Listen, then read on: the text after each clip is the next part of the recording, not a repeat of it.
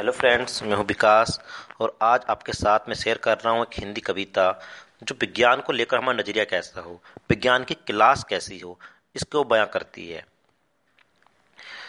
जहाँ जाने से प्रश्न उमड़ना शुरू कर दें।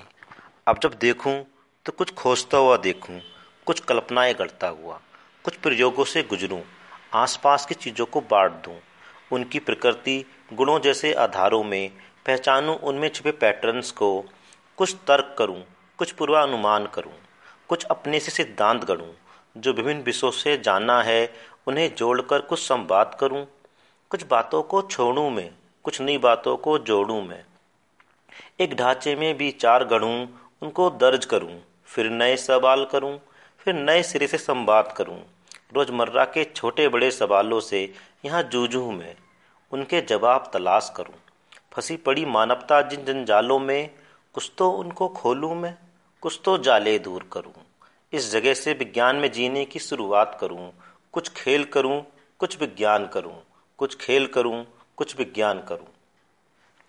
होप, ये पोएम आपको पसंद आई होगी। आपका कैसी प्रतिक्रिया है, ये मैं जानना चाहता हूँ। कृपया कमेंट बॉक्स में लिख के मेरे साथ शेयर कीजिए। और अगर पोएम आपको पसंद आई है तो इसे अपने फ्रेंड्स के साथ शेयर कीजिए। जय हिंद, जय भारत।